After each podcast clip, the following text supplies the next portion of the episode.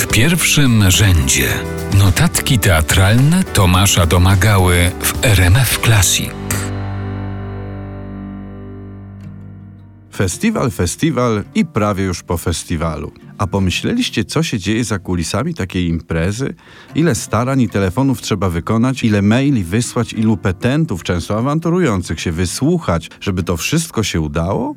No właśnie. Kończący się właśnie w Krakowie Międzynarodowy Festiwal Boska Komedia to największy obecnie polski przegląd teatralny. Wymyślona przez Bartosza Szydłowskiego impreza ma już 15 lat, a podzielona jest na trzy nurty, w ramach których prezentują się krakowskiej publiczności najciekawsze i najlepsze spektakle z całej Polski.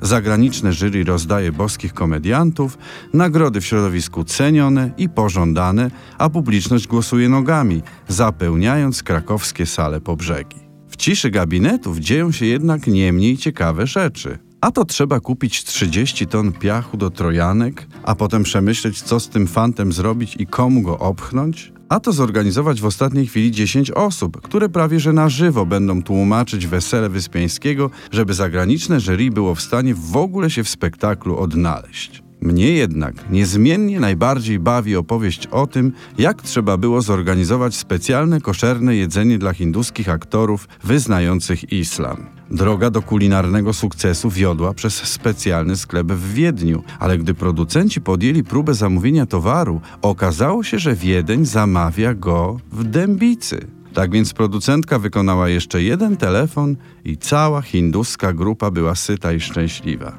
A potem można było ich spotkać między nowochódzkimi blokami, siedzących przy piwie z lokalsami i żywo dyskutujących o teatrze? Czy było to piwo koszerne? Tego już niestety nie udało mi się ustalić.